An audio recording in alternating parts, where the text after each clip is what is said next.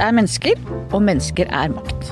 Det går an å føle seg avmektig, for så å ta grep om sitt eget liv, ta makten tilbake. Og faktisk bli en av dem som legger grunnlaget for en av Norges viktigste debatter om integrering, kultur, ære og skam. Shabana Rehman Gaarder, velkommen hit. Tusen takk. Du var lenge utstøtt av det pakistanske norske miljøet, det skal vi komme tilbake til. Men først, Født Fri.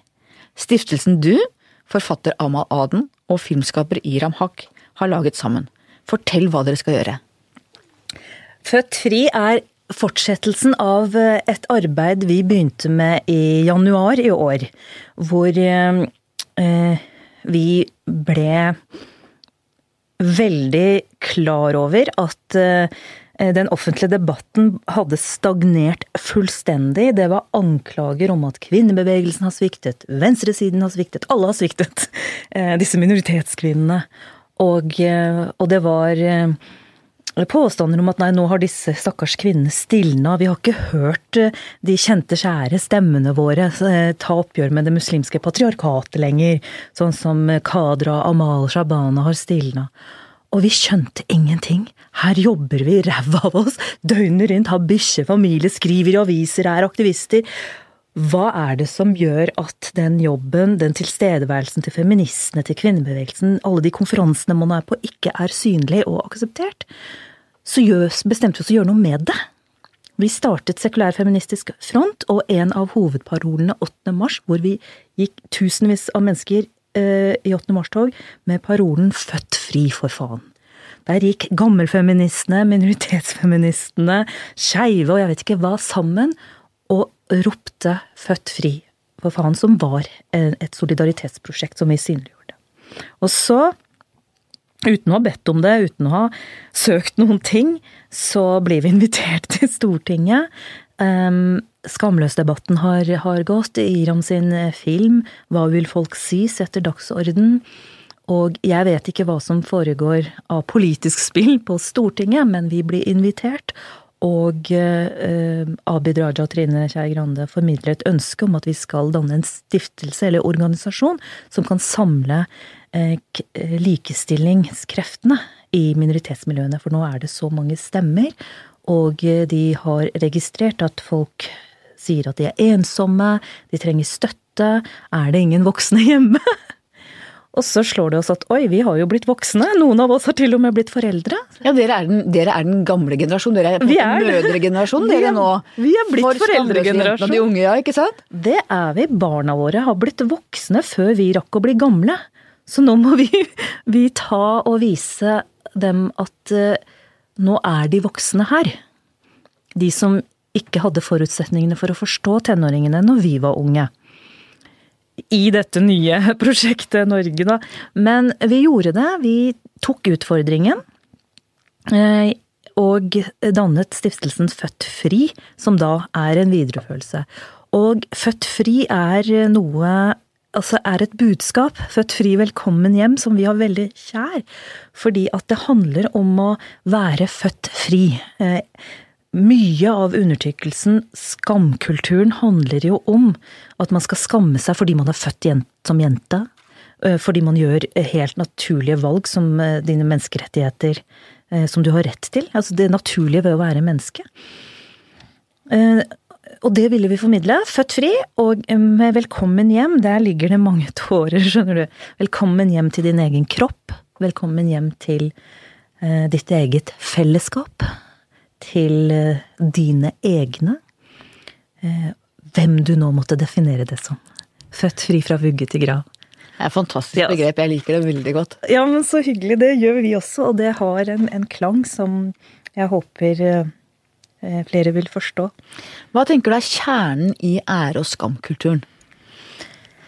Kjernen er nok det at en utvidet familiegruppe mer enn kjernefamilien, eh, kontrollerer og eier deg. Eier dine eh, personlige, private valg. Du eh, er oppdratt til å ikke være et autonom menneske. Og, og, det er du fordi at fellesskapet eh, eier hverandre og skal beskytte hverandre. Fellesskapet er viktigere enn individet? Fellesskapet er viktigere enn individet fordi at fellesskapet er også den som skal beskytte deg. Og skam er også en, en, en forkvaklet hva skal jeg si, eskalering av det naturlige skambegrepet, hvor vi skammer oss litt over å ha gjort noe dumt.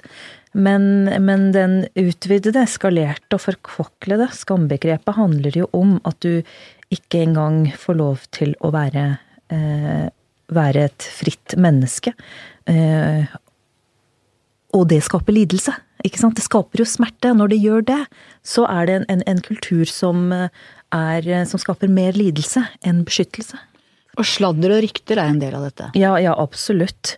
Hvem er det som er innafor, og hvem er det som er utafor? Og vi skal passe på hverandres ære, og passe på hverandres eh, kvinnfolk, da, rett og slett.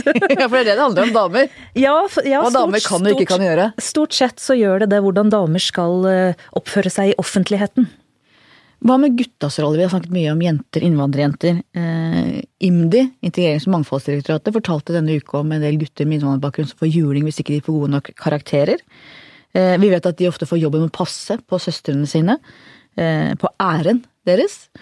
Eh, og at de må opprettholde disiplinen i anførselstegn over dem. Har vi snakket for lite om gutta i disse spørsmålene?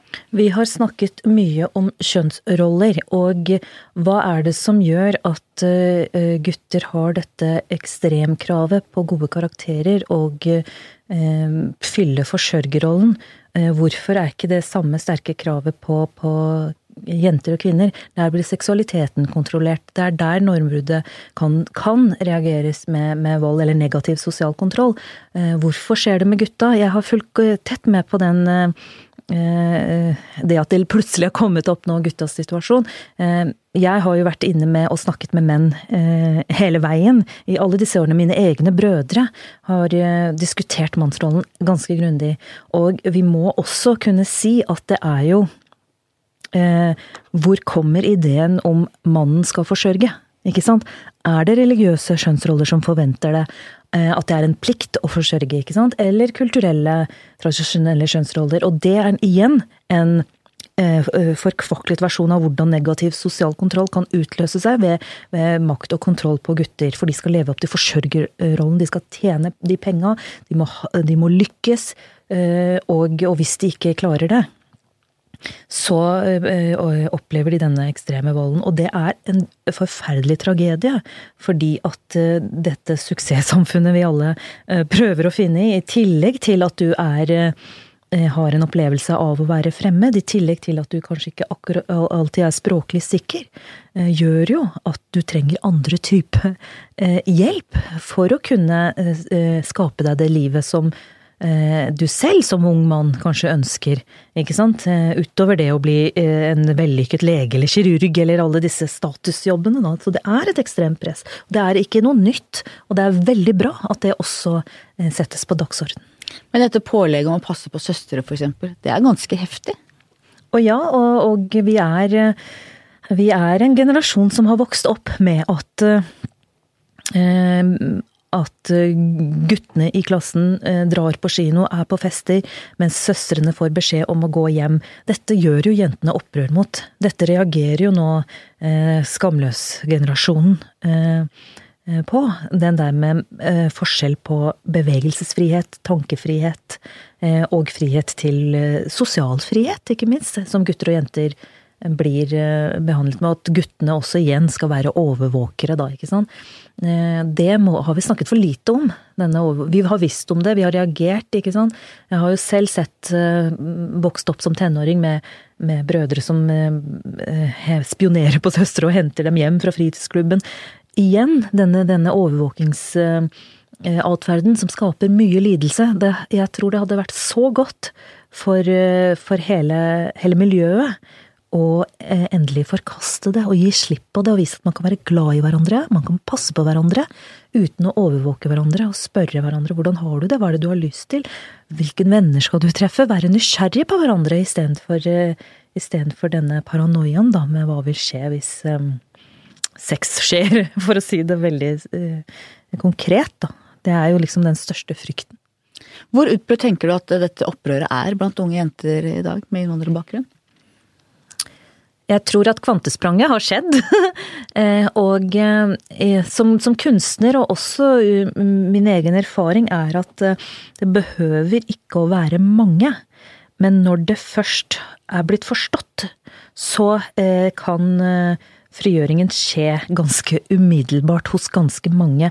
Jeg tror det koker hos mange. Jeg tror at eh, fasen med å bli eh, rasende på budbringeren, som jeg har opplevd, ikke sant, og hetset, trakassert, fått høre at du pisser i, i eget brønn og går ut mot dine egne, alt det der som Jeg skjønner ikke hvordan psyken min har overlevd, men det har den. Den fasen er over. Det er ikke lenger sånn at, eh, at fordi man tar opp sosiale problemer, så eh, slipper man unna med at eh, Eller de andre slipper unna med å angripe deg. Det betyr at selv om ikke alle våger, eh, så er man i ferd med å, å forstå eh, hva offentlighet er, hva det å eh, diskutere problemstillingen sammen i offentligheten er, og at det er greit. Og ikke minst at hva egentlig personlig frihet innebærer. Du ender ikke opp som narkoman, prostituert og den skremselspropagandaen, da. Eller fornorsket, som er liksom det verste. Eh, det er blitt ufarliggjort. Så jeg, jeg tror at eh, mentaliteten er i ferd med å endre seg. Vi må bare, eh, som Iram Haq også sier, vi må bare normalisere denne frihetskulturen. Vi må vise at forlater du det, så er det et fellesskap som også er der og møter deg. Velkommen hjem. Men hvis vi går tilbake til gutta. De er ofte bortskjemte hjemme. Jeg husker jeg intervjuet en gang for mange år siden hun som da var helseminister i Somaliland. Og da var det somaliske guttegjenger som herja på Grønland. Og hun sa at man må slutte å behandle dem som små prinser hjemme. Hvor søstrene må gjøre alt for dem, og sånn, og så blir de veldig uglesett ute. Og den veldig dobbeltheten i å være løftet opp som helter hjemme og sett ned på ute, kan skade ethvert sinn, egentlig. Er det en problemstilling fortsatt, tenker du, i en del innvandrerfamilier? At man behandler gutter og jenter forskjellig? Uh, ja, det tror jeg. Jeg snakker med unge jenter i dag som også tar opp dette. At alt fra å sette skoene liktig på plass i gangen, uh, til å lage chai hjemme og, og, være servitør, liksom. Det er det. Jeg syns jo jeg må si at hvis det er sånn at du føler deg Eh, tråkka på ute og diskriminert og annerledes hva det nå er, da. Så er det jo litt fint at du uh, har, noen hjemme, har, noen hjemme, som elsker deg og, og, og, behandler deg som prins. Problemet er jo at, at jentene ikke blir behandlet som uh, uh, Jeg vil ikke engang bruke ordet prinsesser, for det gjør de på en reduserende måte. Ikke sant? Du er en prinsesse og ikke noe mer. men jeg tror at de nå oppdager jo at også kvinner kan være forsørgere. Ja, det er kvinner som tar vare på foreldrene fordi gutta har blitt for bortskjemte. ikke sant? Eller de ikke vil gifte seg med, med en partner henta fra hjemlandet. De har forelsket seg i, i en annen jente. Så, så der glapp eh, den derre omsorgsrollen den svigerdatter skulle ha. Så, så, jeg tror det går opp en del ting for, for den eh, delen av befolkningen nå, eh, hvor de må virkelig gå inn i seg selv og tenke hva som skjer. Men de har oppdratt eh, gutter og jenter på en tradisjonell måte som har vært uheldig i det norske samfunnet, og jeg tror ikke de har visst bedre. For det var sånn de gjorde det hjemme. Så jeg tror ikke det har vært ondsinnet. De har tenkt at vi må forberede eh, våre jenter til det de skal til, og våre gutter til det de skal til. De skal forsørge, de trenger noen hjemme til å ta seg av alt. Jentene skal ta seg hjemme, det må de lære av å trene på fra de er små. Og så funker ikke det. Det har ikke funka i det hele tatt. Det har bare provosert, tråkket på, redusert jentene, fordi de lever i et samfunn hvor, hvor dette er blitt forlatt for 100 år sia. Ikke sant? Eh, det er også noe av det vi må snakke høyt om. Vi må definere det, vi må snakke om det i offentligheten, og så må vi forklare hvorfor det er galt. Eh, på en ikke-aggressiv måte, men på en rasjonell måte. Og det, det er veldig viktig, fordi at jeg tror det fins inngangsporter til at de umiddelbart kan endre eh, oppdrageratferden sin. Men, men, vi trenger eh, måter å snakke med dem på. Ja, Grunntonen må jo være at vi vet at alle foreldre ønsker det beste for barna sine. Helt riktig. Og hvis det er en grunntone, så er det lettere å, å snakke sammen òg. Det er det, men problemet er jo at noen, og i en god del familier så har reaksjonen vært eh, med oppdragervold, da, som de kaller det i hjelpeapparatet. Eh, og der er på en måte bruddet med den skandinaviske, også nordiske kanskje. Eh, men jeg, jeg skjønner jo at både i europeisk og i internasjonal sammenheng så blir oppdragervold fortsatt brukt. Og eh, av, i et fremmed land med enda mer frykt for å miste barna sine, så kan den gi eh, grove utslag. Jeg husker fortsatt mitt første møte noen gang med en norsk politiker var i Nordmarka da jeg var jeg må ha vært sju-åtte år. Oi. Så kom det en dame mot oss, og så sier foreldrene mine det er Inger Lovise Valle. Hun har gjort det forbudt å slå barn i Norge. Og jeg, tenkte, jeg ble helt sånn, tenkte wow. Dette Ja. er politikkens muligheter. Ja, Hun har gjort det ulovlig å slå barn. Det er så helt fantastisk. Ja, nemlig, nemlig. Noen bryter jo ut av disse familiene, og noen av de modigste menneskene jeg kjenner, er unge kvinner med innvandrerbakgrunn som har måttet bryte med sin egen familie for å bli fri. Og det kan være fryktelig ensomt. Og på seminaret vi var på sammen, så var det danske Giti, Giti Ja, Giti. som fortalte om sine egne opplevelser etter at hun flyktet fra sin familie, om ensomhet og sårbarhet. Og hennes budskap var at foreldrene må også med, at de er problemet, men at de også er fanget av denne kulturen. Og under Vikan, husker jeg for mange år siden da hun fulgte rettssaken etter Fadime-drap i Sverige, så var hennes prosjekt den gangen å følge foreldrene og prøve å forklare hvordan er det de tenker. Under, tank under tankegangen du må forstå hvordan foreldrene tenker for å kunne møte dem, for å kunne forklare dem hvordan de ikke skal være. Eh, og filmen til Iram, som er da den tredje av disse trekløvere i Født fri, filmen hennes som jeg så nylig, men jeg synes kanskje den mest gripende scenen var jo faren på slutten, hvor du skjønner at han eh, er i ferd med å forstå hva han er en del av, ikke sant? Hans fortvilelse. Samtidig som han har gjort forferdelige ting mot datteren sin, eh, for å redde familiens ære. Og mitt spørsmål er hvordan kan man på en måte eh, møte foreldrene og komme dem i møte når de har gjort så forferdelige ting, og er det mulig med forsoning i en sånn setting? Så klart er det mulig med forsoning. Herregud, vi lever i en verden hvor folk er blitt eh, forsont etter eh, alt fra barnesoldater og jeg vet ikke hva. Eh, Det er alltid mulig med forsoning, det må vi aldri gi opp troen på.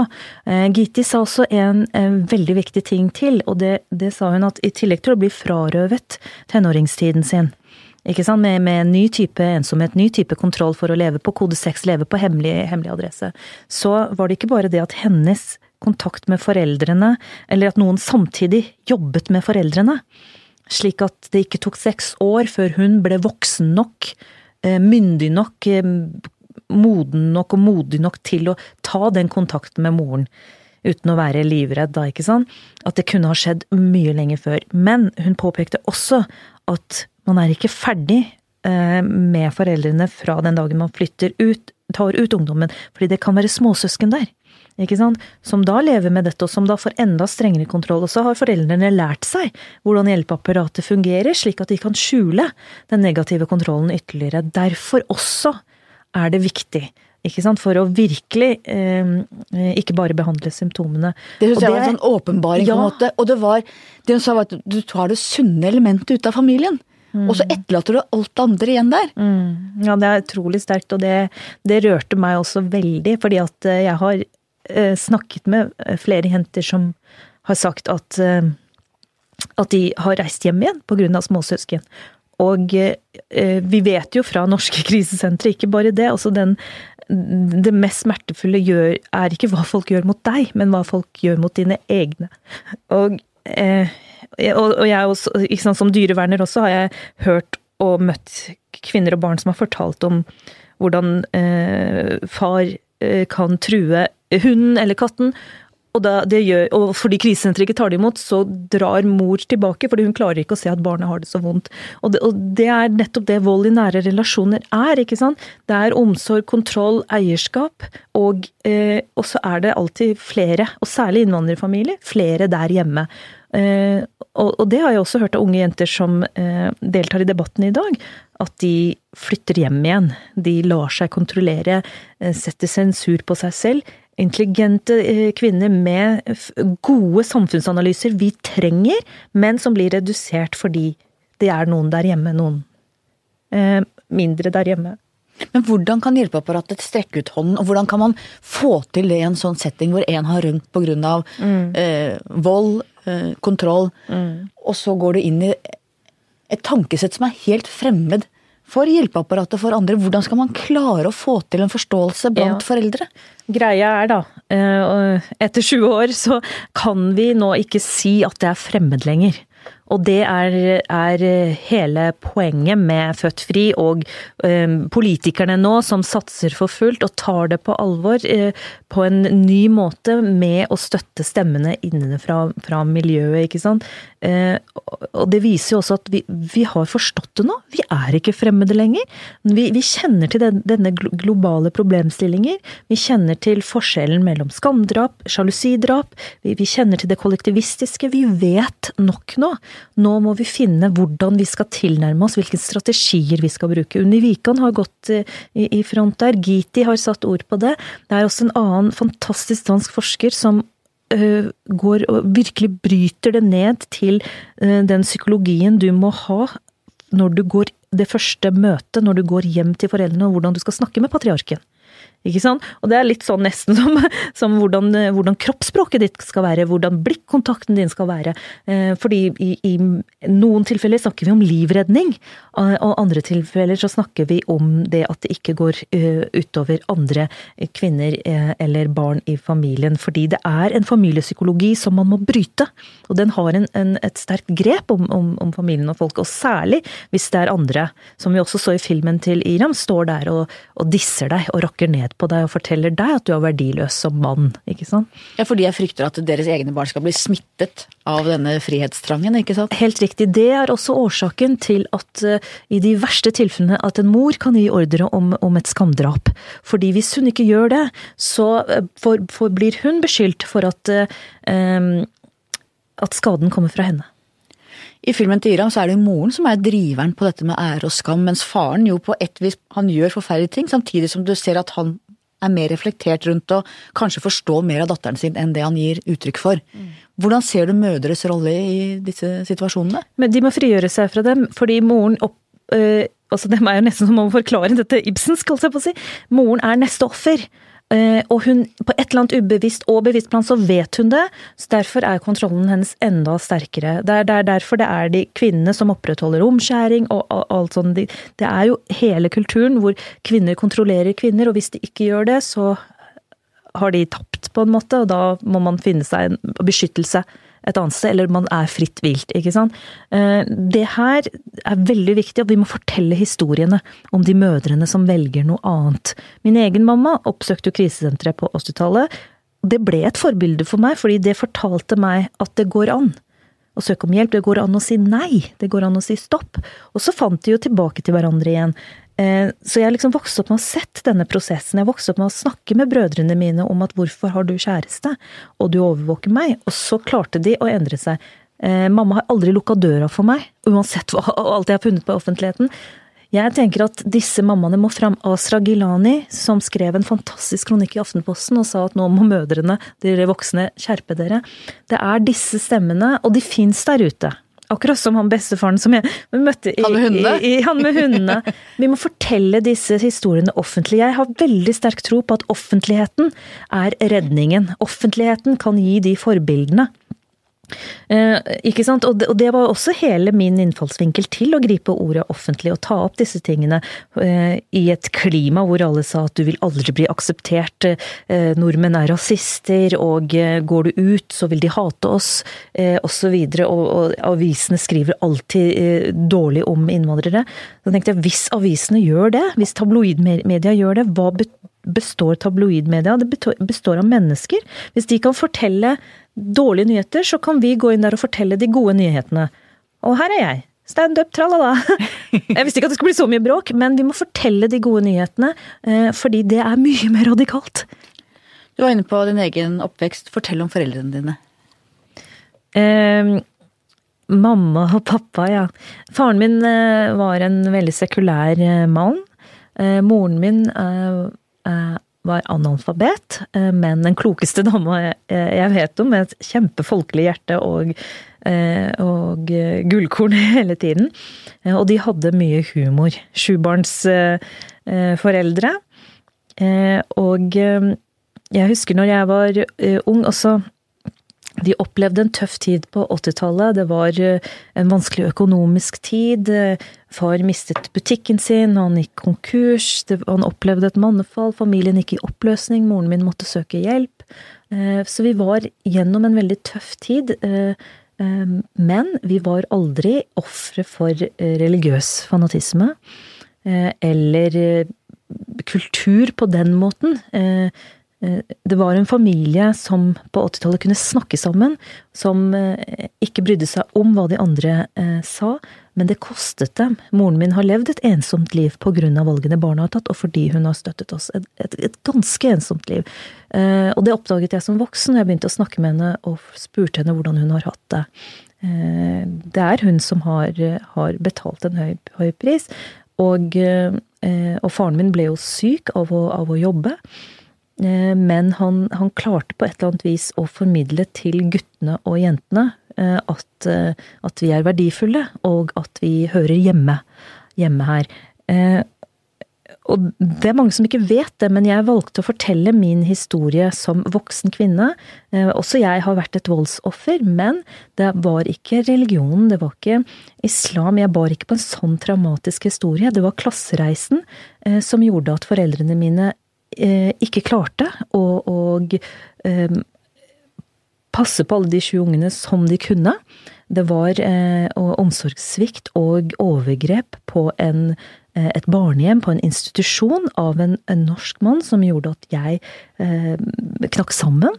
Eh, og hele denne eh, løvetannhistorien, for å si det på den måten, før jeg grep mikrofonen offentlig og ble standup-komiker, eh, handler om et liv i Oslo sentrum, i et multietnisk Norge, hvor flere sviktet. Flere voksne eh, med forskjellig bakgrunn. Eh, jeg opplevde et veldig sterkt press tidlig i 20-årene om at den historien skulle fortelles av andre, og den skulle pakkes inn i islamkritikk. Eh, og heldigvis skjedde det ikke. Det er jeg veldig glad for, og som voksen i dag så vil er jeg i stand til å analysere hvordan foreldrene mine var, hva de gjorde som var bra, som gjør at jeg er det mennesket jeg er i dag og har holdt ut de stormene jeg har gjort, eh, hvordan relasjonen jeg har til mine søsken, hva slags oppdragelse vi fikk, slik at gutter og jenter kan snakke sammen uten å, klikke på hverandre. Og, eh, og, det, og, den historien er ikke ferdigfortalt, den må analyseres eh, fordi at det er første gang i norsk historie med de, den identitetssammensetningen som gjorde at de klarte seg på et eller annet vis eh, som foreldre, og vi klarte oss. Så det er en historie om, om overlevende og foreldre som eh, Jeg tror jeg har humoren min helt klart fra dem. Du var 19 år da faren din døde. Ja. Ble du forsonet med ham på de vanskelige tingene før han eh, ble borte? Dessverre. Dessverre. Noen måneder før han døde, så drømte jeg om et brev jeg skrev til han hvor jeg fortalte han hvordan jeg har hatt det. Uh, og det brevet ble til en forestilling etter hans død. Og det er min forsoning med han. Den monologen konge, for konge og fedreland. Det ble det, så jeg fikk ikke gjort det. Men heldigvis har vi kunst! ja, det er heldigvis har vi kunst til å bearbeide. Stor frihet i det. Ja. Um, du flyttet altså hjemmefra da du var 16, på mm. ungdomshjem. Mm. Eh, og du har fortalt i boka Blåveis for en del år siden om hvordan det var. Og du hadde en voldelig kjæreste i fire år. Eh, og du opplevde mer eh, også vold, som du sier, i hjemmet. Kan du si noe om offerrollen? Det å være i offerrollen, det å komme ut av den? Det å ha vært i den? Ja, jeg kan si, si, mye om det. Jeg var et offer i tenårene. Jeg opplevde mye vold. Og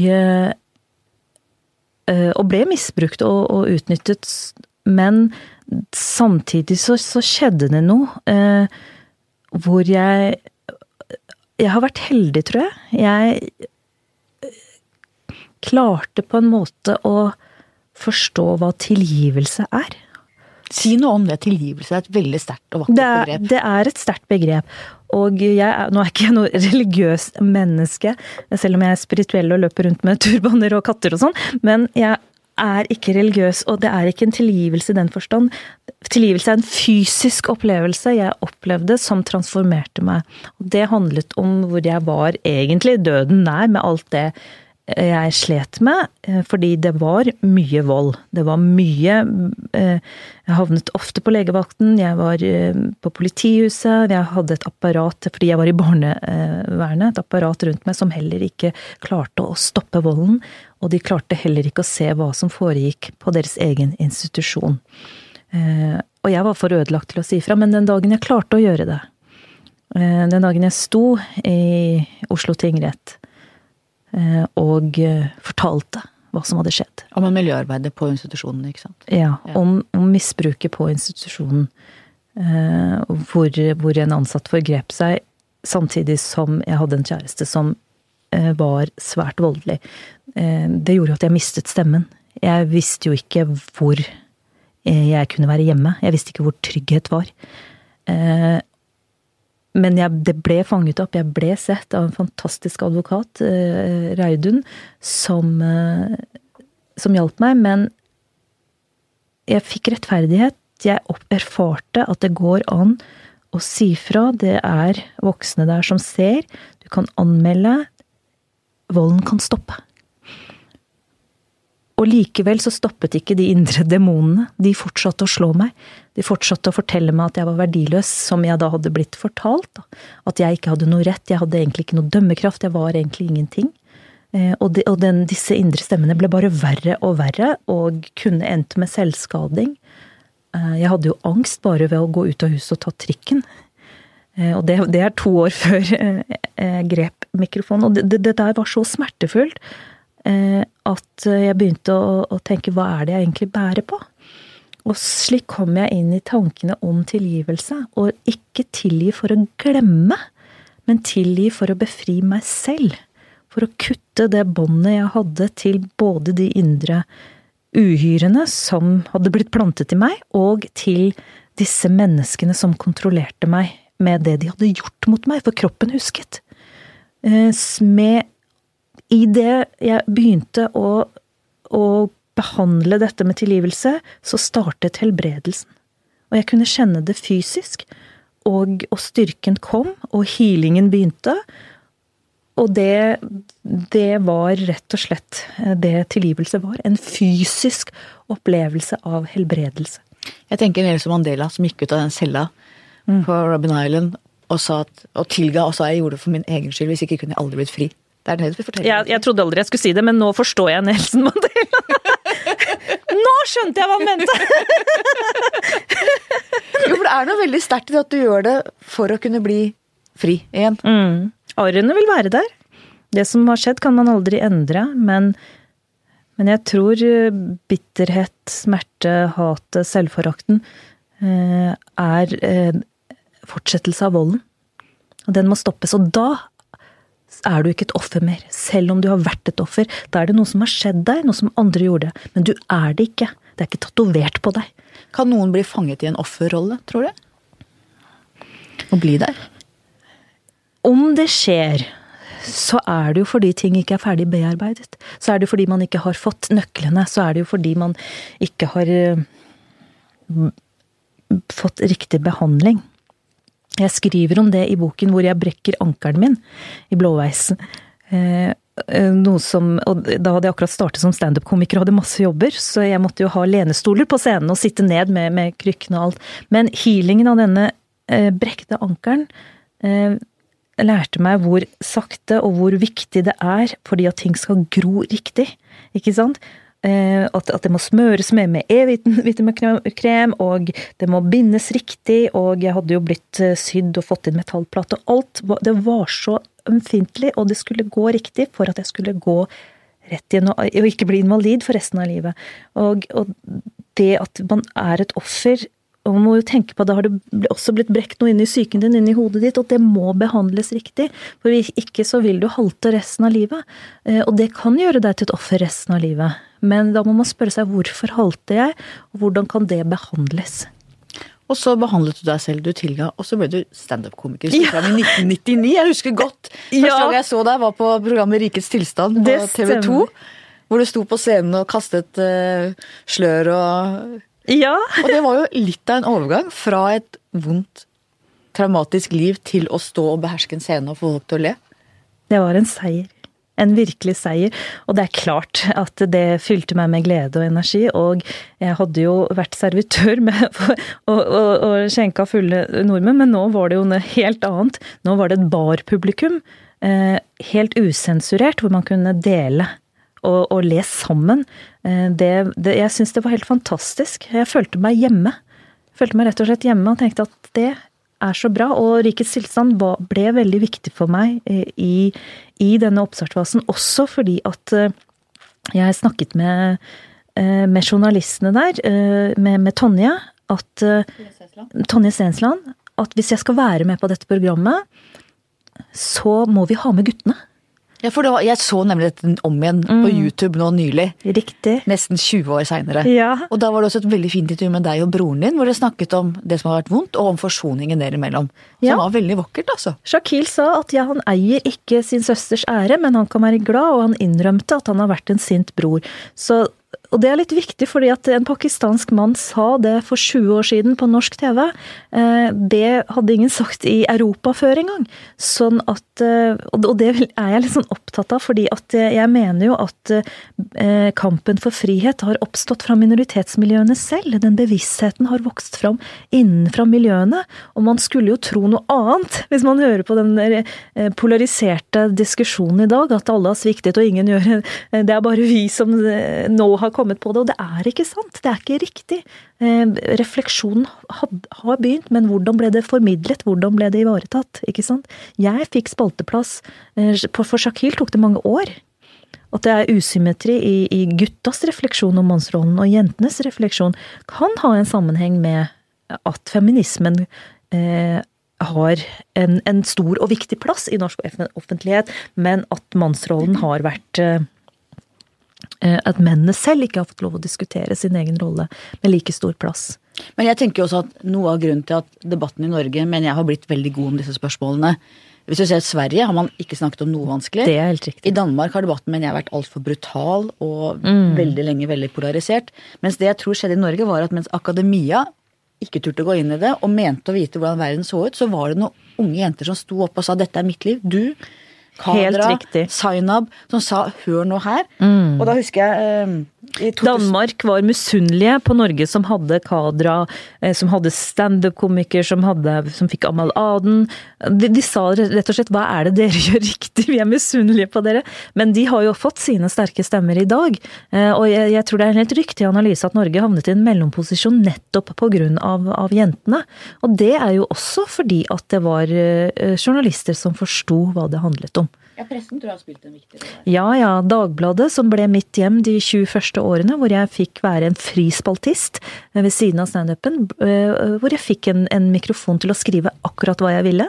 Jeg husker også Sissel Bennike Osvold som sa til meg, og det er en ganske tøff bransje, og, og det var før blogging tok av, og hun sa ikke bli sånn som oss, vær deg selv. Jeg fikk skrive helt fritt og helt uavhengig, eh, noe som også skapte eh, en større debatter om hvem representerer hvem. Ja, for jeg husker jo da i 2002 hvor du ble kritisert av sosialantropologen Marianne Gullestad for å såkalt skygge for andre innvandrerstemmer. Og det ble en storm. Og det var en av de første gangene jeg skrev om det, husker jeg. Eh, om de vanvittige hersketeknikkene som du ble utsatt for av henne. 'Sviket mot Shabana', kalte jeg den artikkelen den gangen. Nettopp fordi at akademia hadde vært så tause i så mange år, og de visste ikke helt hva de skulle gjøre. For plutselig så sto da jentene opp sjøl og sa hallo. Og hva tenker du i ettertid om akademias tilnærming i årene før du trådte inn på scenen? Bokstavelig talt.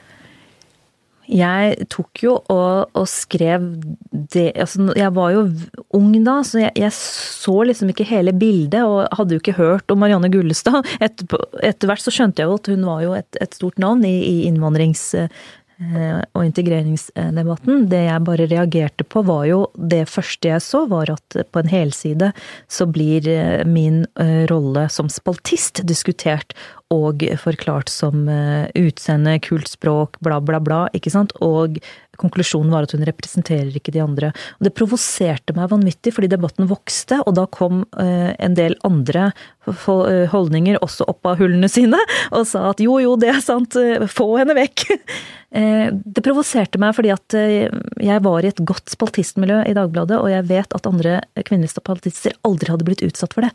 Ikke sant? At de representerer ikke den aldersgruppen med norske kvinner. Det er helt uhørt at man ikke kan ha en selvstendig mening. Det skjønte jeg veldig raskt. Det provoserte meg, og, og, såret meg også. Det opplevde jeg som et svik fra akademia. Og de hadde vært opptatt av at man skal ikke snakke om dem og oss, og så putte de deg rett i en boks med dem. De klarte å gjøre det. De klarte å gjøre det, og jeg tror ikke de helt skjønte det selv engang, hva de egentlig hadde gjort ved å, å ta fra meg min eh, individualitet, min ytringsfrihet, ved å si at fordi jeg ikke mener at alle skal sitte hjemme og ta eh, legeutdannelse og gifte seg, ikke sant, for det var jo sånne personlige valg jeg gjorde opprør mot, så representerte jeg ikke dem. Eh, det er jo derfor jeg sier i dag at jeg gikk ut for mine egne. Ingen skal fortelle meg noe annet. Eh, og hvorfor skal bare eh, akademikere eller norske spaltister få lov til å gå ut for sine egne, men ikke vi? den debatten var veldig tøff, og den ble nasjonal og også europeisk. Europeiske medier fanget den opp. Men du vant jo den runden?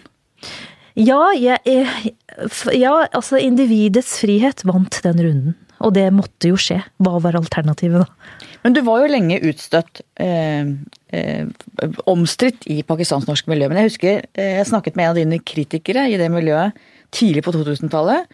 Og han sa at Shabana tross alt utvidet det rommet. At mens Aslam Assam, som var en av de første talsmennene for pakistanere, kunne gå liksom så langt i sin beskrivelse av miljøene, bare si lite bitt, så gikk du mange mil lenger. Og da åpna det seg et rom mellom deg og Aslam Assam, hvor de andre kunne gå inn og diskutere på en ny og annen måte enn de hadde gjort tidligere. Er det en beskrivelse du kjenner deg igjen i? Eh, jeg kjenner meg igjen i noe av det, fordi jeg var veldig bevisst på nettopp det begrepet du bruker, å utvide rommet.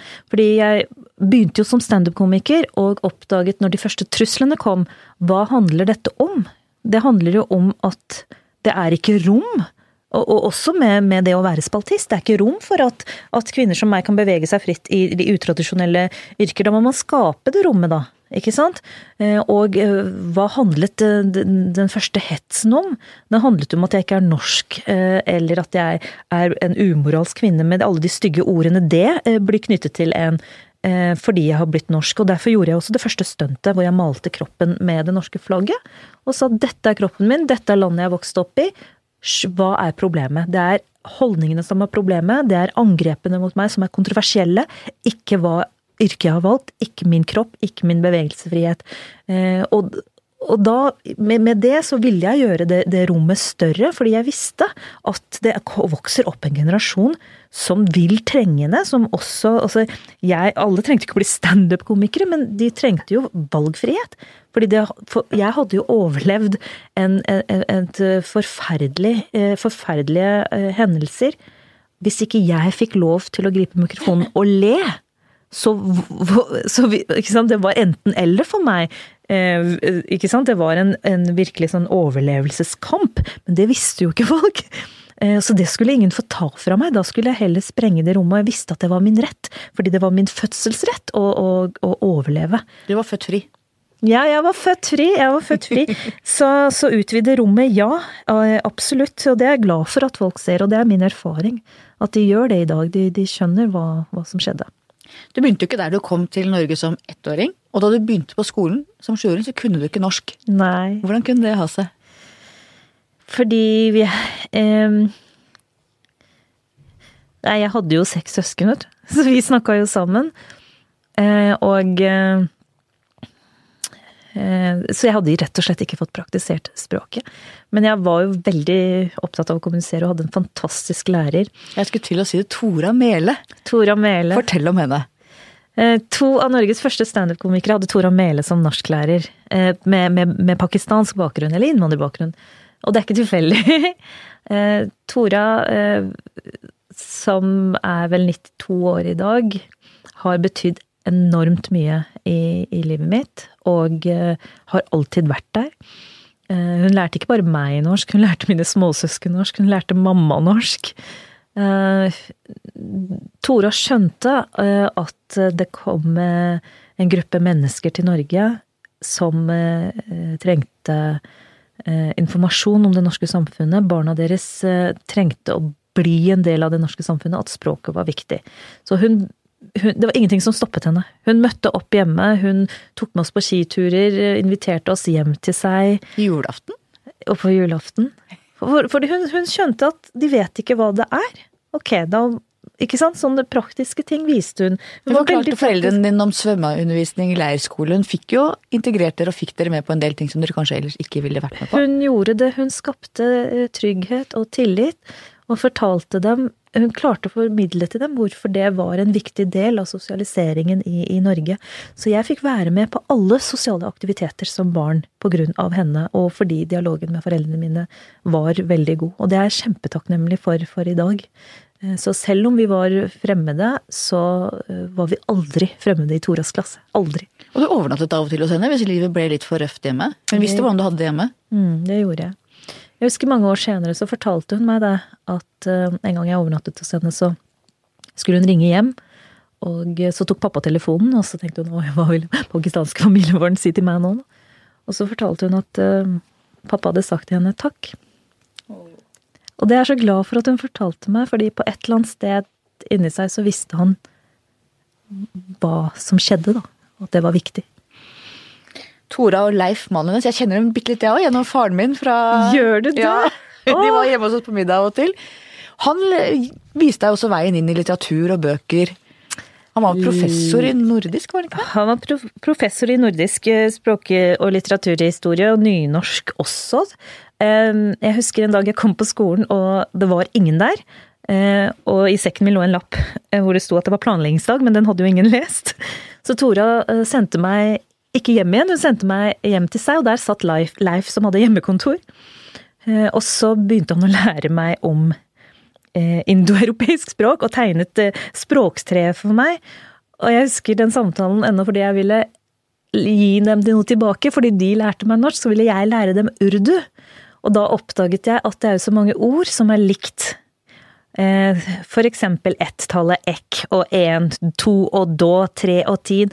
Og sånn satt vi, jeg, Leif og Tora, og, og fant likhetene. Og de klarte å formidle til meg hvordan eh, vi har et felles opphav. Og jeg husker Tora fortalte det så fint til meg sammen med Leif at eh, akkurat som du, Shabana, har foreldre, besteforeldre, oldeforeldre, tippoldeforeldre? Du er ikke lik sånn som dem, men moren din kan se noe av dem i ditt ansikt likevel. Sånn er det også med språk. Og til sammen så kommer vi fra samme stamme, da. Å lære det så tidlig, på den måten Leif og Tora formidlet det, det bare jeg, jeg, visste da at det er språk jeg kom til å jobbe med. Og det har jeg gjort. Det har du gjort. Tenker du at det er noe som har gått tapt med hennes generasjon? Jeg vet at jeg i hvert fall eh, Det er stor interesse for at dagens lærere vil høre historien om frøken Tora. De, det er en historie der som, eh, om en lærer som på grunn av det livet hun har levd, klarte å møte innvandrerbarna, og det ble noe av dem. Den, den historien må, må, formidles eh, videre til lærere i dag, så ja, absolutt. Og det I dag er jo konfliktene eh, mye mer eh, til stede med at barn blir tatt ut av svømmeundervisning, av Blitt til og med sendt på skoler i hjemlandet, ikke sant. Uh, og dumpet i hjemlandet. Det, det, er liksom ganske mange sånne hendelser og utfordringer som lærere ikke vet hvordan de skal møte. Og noen kobler av. Av frykt for å være rasister. Tore hadde aldri den frykten. Eh, og det, det, handler om måten hun møtte mennesker på. Hun så mennesker som det er i den livssituasjonen de var havnet i. Eh, og da var det gjort, og det merket foreldrene. Men det handler vel også om antall og andel. Hvis du ser det I Oslo for eksempel, så er det bydeler hvor det på noen skoler er mer enn 90 mm. minoritetsspråklige. Mm. Da er det ikke så lett for en Tora å se mm. de enkeltelevene i den klassen. Eh, hvordan skal vi håndtere det? Det jeg vet, er at jeg kjenner jo mennesker med minoritetsbakgrunn som selv flytter fra eh, minoritetstette skoler, fordi de ønsker variasjon, de ønsker pluralisme, og de ønsker eh, gode lærere. Jeg tror at, at vi bare eh, Altså, én ting er at det blir flertall, men selv om det gjør det, så betyr det jo ikke at undervisningen og kvaliteten skal gå ned. Selv om det er flertall med, med innvandrerbarn som snakker dårlig norsk. Det betyr at da må det satses enda bedre da, på, på språket. Fordi uansett hvor mange og hvor mange antall, så må vi forstå at det er eh, hvilke samfunn de skal gå videre i. Hvilke samfunn de skal, de skal leve livet sine i. Og det er i Norge. Så vi må ruste dem til det norske samfunnet. Selv om de er mange. Selv om de er få. Eh, og det er denne, eh, denne opprustingen, da. Det å gjøre dem klare for det. Forberede dem til det. Det er en lærerutfordring ikke en elevutfordring. Men noe av problemet tenker jeg er at du har skoler hvor det er nesten bare etnisk norske. De møter jo heller ikke det samfunnet de skal inn i. Og så har du andre skoler hvor nesten bare er minoritetsspråklige. Så begge de to gruppene går på skole og er et nærmiljø som er veldig fremmed for det Norge de faktisk skal inn i. Helt riktig, og det er jo egentlig eh, slik offentligheten i Norge også har vært, ikke sant. Fra at det er en etnisitet som har observert, analysert og skrevet om, til at vi har fått et mangfold av, av stemmer. Så det må være synlig fra barnsben av eh, at vi er blitt et multietnisk samfunn. Jeg er helt enig i det. Så vi, må, vi må omgås hverandre, og derfor er sosial frihet utrolig viktig. Og derfor er også frigjøringen av kvinner og likestilling av menn og kvinner kjempeviktig. Eh, som du påpekte nå, det handler om hva slags samfunn vi skal leve i. Men hvis du ser utviklingen, så er det jo tegn som tyder på at en del innvandrermiljø blir mer lukket i seg selv, og f.eks. hijab på småjenter på skolen.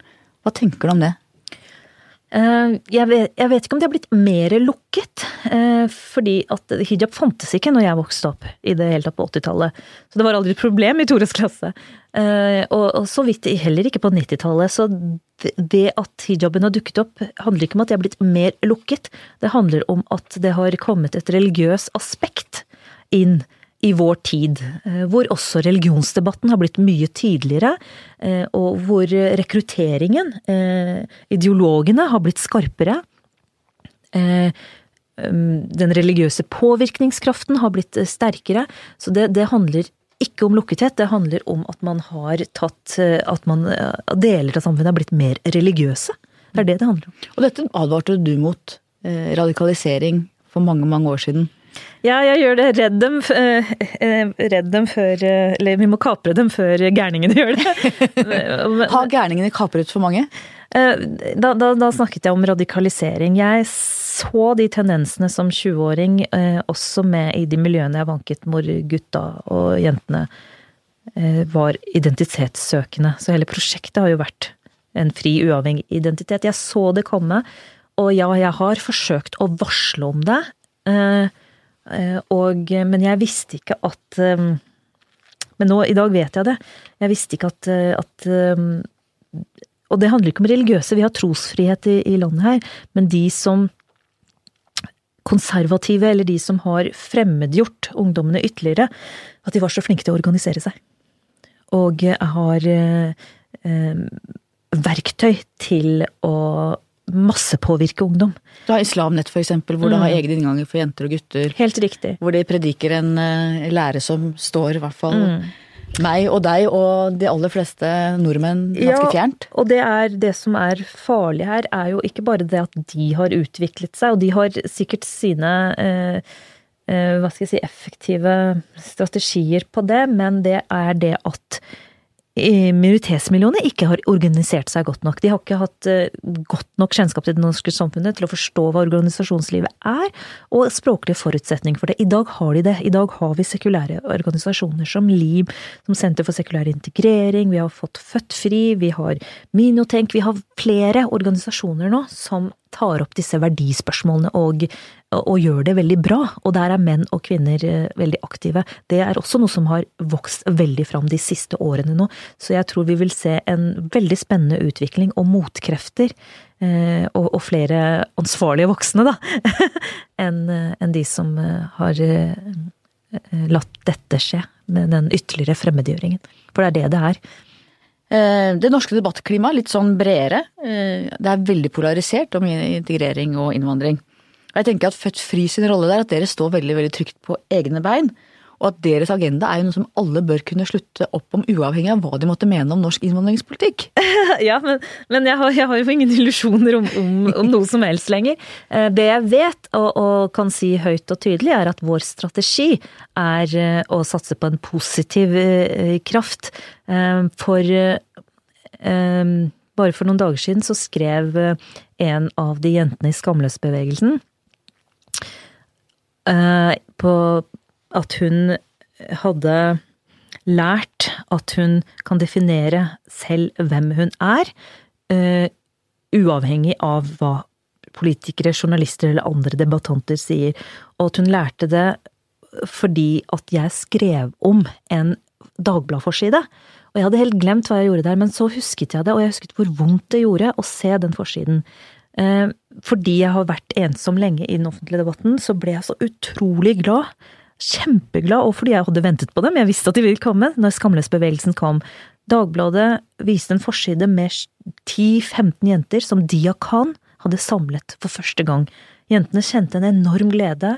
Det var en fest for dem å bli samlet sånn på en scene hvor alle fikk mikrofon og de sto sammen. Eh, og endelig så var alle de på en forside og fikk den plassen de fortjente i, i limelighten. Men tittelen på forsiden av Dagbladet var Hetset og truet. Og det gjorde så vondt å dele det. Jeg vil ikke dele en sånn forside på sosiale medier med alle disse ungdommene, det fortjente de ikke. Så jeg redigerte den om og skrev elsket og heiet på. Eh, fordi jeg har båret på denne smerten om at man kun blir aktuelt hvis du er drapstruet. Vi er hele mennesker, vi skal operere på flere måter, vi er mangefasetterte, det har også de ungdommene krav på, og det er den positive kraften Født fri skal være. Vi skal vise hva det å leve er, vi skal vise hva frihet er, og hvordan den leves, hvordan den utøves, hvordan den praktiseres. Vi skal vise at det er greit det er også å tre ut av den offer, offerrollen. Den aggressive, polariserte debatten tvinger minoritetene inn i at du er kun interessant hvis du har opplevd noe helt jævlig, og så kan den historien brukes i en eller annen sammenheng. Offerrollen? Ja, men jeg undervurderer ikke at varslingen er nødvendig. Men nå vet vi hva problemet er. Nå må vi vise den generasjonen som kommer etter, og foreldrene, at det går an å leve. Det går an å ha et sosialt liv går an å være opptatt av, av flere ting, og være gift eller partner med hvem du vil. De historiene, det skal vi vise. Vi skal vise hva det å leve er. Så Det er derfor jeg sier at hvis skamdrap er et varslet mord, så er født fri varslet livredning. Hvordan ser du religionens plass i det norske samfunnet? Du, jeg har funnet ut at uh, jeg, litt sånn som tabloidene, at hvis det er de som skaper en virkelighet, så får man uh, intervenere og, og, skape de gode nyhetene. Så jeg har nå blitt selvutnevnt imama. Imama, ja, det har jeg sett. Imama Shabama, som eh, har til og med fått en liten sekt med følgere. Så jeg syns det er på tide at vi får uh, kvinnelige, spirituelle, åndelige, religiøse overhoder som lager YouTube-videoer og holder prekener Sånn at eh, det kommer mer. Eh, det er det som er min mening med religionens plass. Nå skal vi ta den plassen i religionen også. Tenker du at det er behov for en reformasjon av islam? jeg tenker at den er i gang. Og religionskritikk. Jeg tenker at det norske samfunnet bygger mye på religionskritikk på Eh, kritikk av kristendommen. Mm. Og så ser man at hvis man kritiserer islam, så tenker man at da får man veldig ofte helt andre reaksjoner. At, at mange muslimer ser på det som kritikk av muslimer, ikke av dogmene. Hvordan kan vi møte det på en konstruktiv måte? Jeg tror den er allerede blitt møtt på en konstruktiv måte. Med at eh, sekulære miljøer i, blant minoritetsmiljøene eh, har organisert seg. De tør å være mer offentlige nå. Det er konstruktivt. Eh, og eh, det at flere kvinner og menn eh, nå snakker om religionen og dogmene, men, men, også hva tro betyr for dem. Det er blitt mye større åpenhet. Det er konstruktivt. Alt handler ikke bare om hva nettroll sier, men den monomane, aggressive islamkritikken, den er blitt reaksjonær og Eh, radikalisert, det syns jeg er skummelt. Og, man kan oppleve det uansett, bare du liksom snur, snur deg og, og, og, snakker om eh, vegansk mat, så kan det dukke opp 15 troll og 'hva med halalslakt?' ikke sant? Og bare eh, 'ja, vi er imot all slakt'. ok? Så, så det, er, det er en radikalisering som har skjedd. Den er skummel, akkurat som den islamske fanatismen er skummel. Det polariserte debattklimaet. Ja, den er ikke bare polarisert, den, den er også slik at uh, den, ja, den, er, den er skadelig. Det kan være skadelig, og derfor tror jeg også at det er et uavhengig sentrum Eh, og at vi snakker mer eh, om at eh, ikke bare dogmene, men hva betyr det å være Hva er trosfrihet i Norge? Hva betyr det? Blir like viktig som en slags mot, motkraft. Altså folk må ta seg en bolle, noen. Ditt eget forhold til religion, tror du det fins en gud? Um, jeg tror ikke på noen gud eller re organisert religion. Jeg gjør ikke det. Men jeg er spirituell. Jeg er blitt litt sånn new ager, holdt jeg på å si. Litt sånn som med tilgivelse. Jeg, jeg, jeg kjenner på krefter, på en spiritualitet som er fri, som, som gjør meg glad. En, en slags åndelighet som jeg har møtt i skogen når jeg går tur med hundene mine. Eh, og det er litt sånn opplever jeg som, som noe veldig godt og, fi, og, fint og litt sånn magisk. Hvis det er er at det fins eh, en, en, skaper, eller det fins noe mer mellom himmel og jord, så har jeg i hvert fall glede av det. Eh, og så får vi se da om det utvikler seg til å bli en, en ny religion. Jeg vet ikke. til slutt, mitt faste spørsmål. Hva skal bli historien om deg? Shabana Rehman Gaarder, det var hun som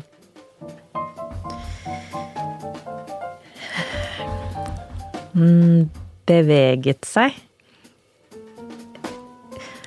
fra